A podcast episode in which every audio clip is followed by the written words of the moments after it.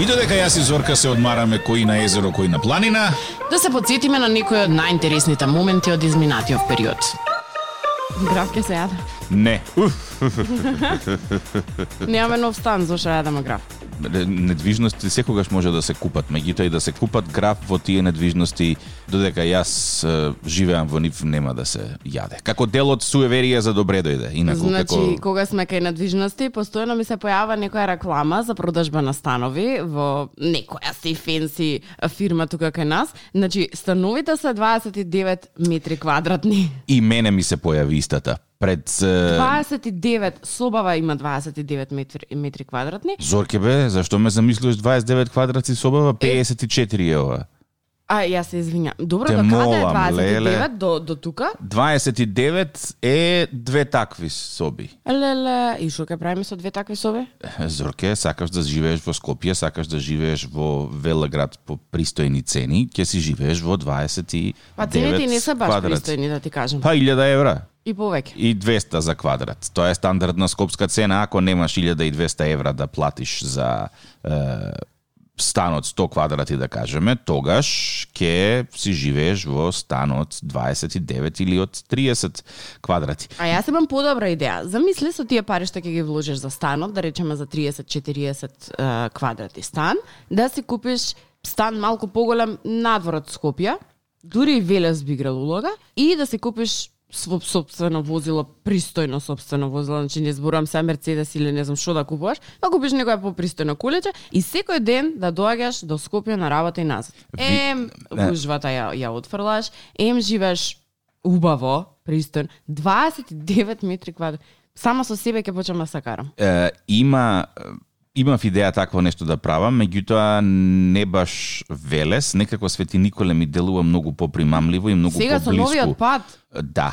Uh, барам каде е рекламата на, на, на Facebook, која што се појави за, за станот. Интересен беше распоредот, Зорке. Значи, во мојот случај ми таргетираа стан од uh, 49 а извини квадратни метри, што е малку поголемо тоа твоето, да, меѓутоа распоредот на собите беше феноменален. Дури замисли Зорке, направиле е е е е, па истата фирма. Да. Та фирма е знам. Да, да, истата фирма.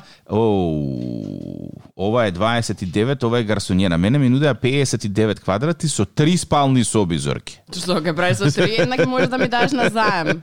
Пошто Замисли- мене нема спална соба во станов. Замисли сега ти да ставиш е, три спални соби во 59 квадрати. Две работи кои што ми привлекува внимание е, во целата оваа приказна е тоа што квадратурата на, на балконот беше само 1 метар квадратен. Тоа Ама е француски балкон во превод? не е француски балкон, е оној балкон низ кој што воопшто немаш е, врати, не, значи само дека прозор што се француски е каде што можеш да стапнеш со стапалото. Тоа веројатно е еден квадрат или не знам. Ке провериме. Остани на Радио 2.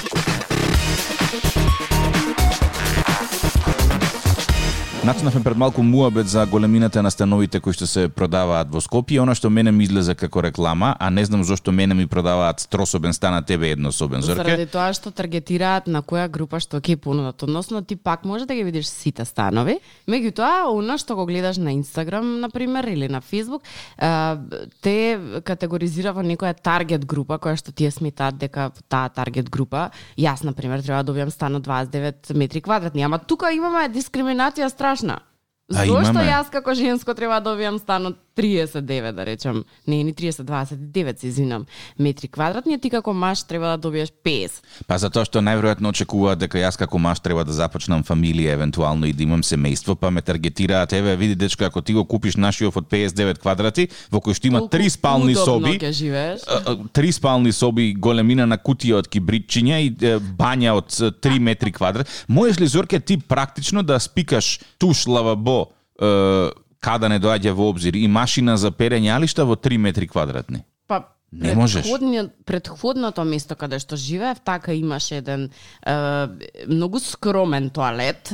Мислам, не беше скромен во, во е, санитарија, беше скромен во простор. Да, да, да. Така што нозете ти одираат во машината за перење. Страшно. И она што многу ме ме секира е големината на балконот. Јас знам еден куп луѓе кои што имаат станови и потоа балконите ги преуредија Да. во летни кујни за да кога ќе пржат кромит не им мириса целиот стан. Е, што ќе ми е сега тераса, што ќе ми е тераса О, и да се случи е потребна тераса. Е, се случи карантинот. И 14, е, ние не бевме 14 дена затворени, 4 дена бевме затворени најдолго. Ај викам сега ти што ја претвори терасата во летна кујна за да пржиш кромит кај ќе излегуваш, пошандрцаа луѓето. Се шекнаа без да излезат. И, велам, битно е да имаш балкон, битно е да имаш двор. Ако имаш двор, супер. Овие новиве станови што ги продаваат зорке, балкон од еден квадрат. Имало вишок простор и му текнало на архитектот, што да правам со овој еден квадрат? Пиши балкон бе.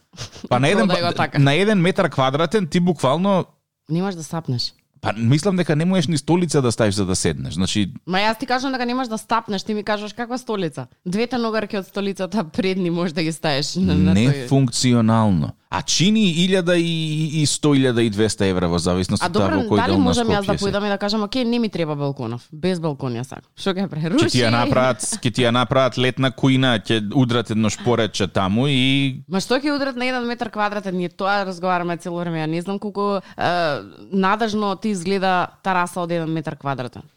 Види битно добиваш тераса. Значи на на хартија имаш во имотен лист вика станот има тераса. Мене не ме загрижува толку тарасата, колку што ме загрижува моментот дека во станот има еден прозор. Еден. Сериозно. И тоа е влезот и излезот на балконот. Тоа е се што доаѓа од дневна светлина. Тоа е депресија левел максимум. е, совет за сите оние кои што планираат во блиска иднина да купат стан или куќа.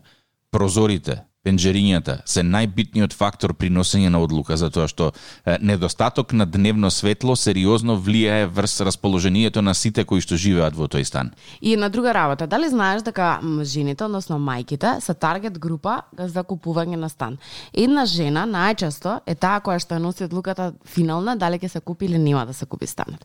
И особено секоја станува збор за поголеми станови, затоа што жените нели футуристички некако гледаат кон еднината дека да, овде треба да се растат деца. Овие ѕидови заслужуваат минимум 4 деца. Уху, Така да со квалитетна градба денеска. Совет, да, ова е плюс совет за оние кои што се занимаваат со продажба на недвижности, значи не ги избегнувајте жените зашто тие се многу клучен фактор во одлучување за купување на стан. Да не речам и најважен фактор. Како што жената знае да наполни главата на мажот за одредена работа, не знае никој. И мислам дека некако не знам зошто сами тргнуваме тој чекор дека аха, кај мажот се парите, него треба да го напамтам за да му купам, за да му продадам нешто. Напротив, Дури тој да го носи новчаникот и тој да ги дава онака финалните, да ги подмирува финалните сметки, жената игра најголема улога кога станува збор за купување стан, купување автомобил и така натаму. внимателно ако ти размислуваш да купиш стан за 4 деца, тешко е на тој што ќе биде во комши под тебе, затоа што квалитетот на градба во новите згради баш Е и картонче. не сум баш сигурен колку ќе успее да Е, заедно ќе ги растеме, што? уништи буката од е, четири деца кои што трчаат по, по тераса. Страшно. Она што мене ме плаши во Скопје е цената на недвижностите кои што и покрај сета криза остануваат се уште непродадени, а банките ги спуштаат каматните стапки. Едноставно се плашам дека може да ни се случи со недвижнините она што се случи во Америка. Бум, да пукнат кредитите, банките да почнат да е, одземаат станови поради ненаплатени хипотеки и се вака виум, да тргне надолу. Ама што е тука е.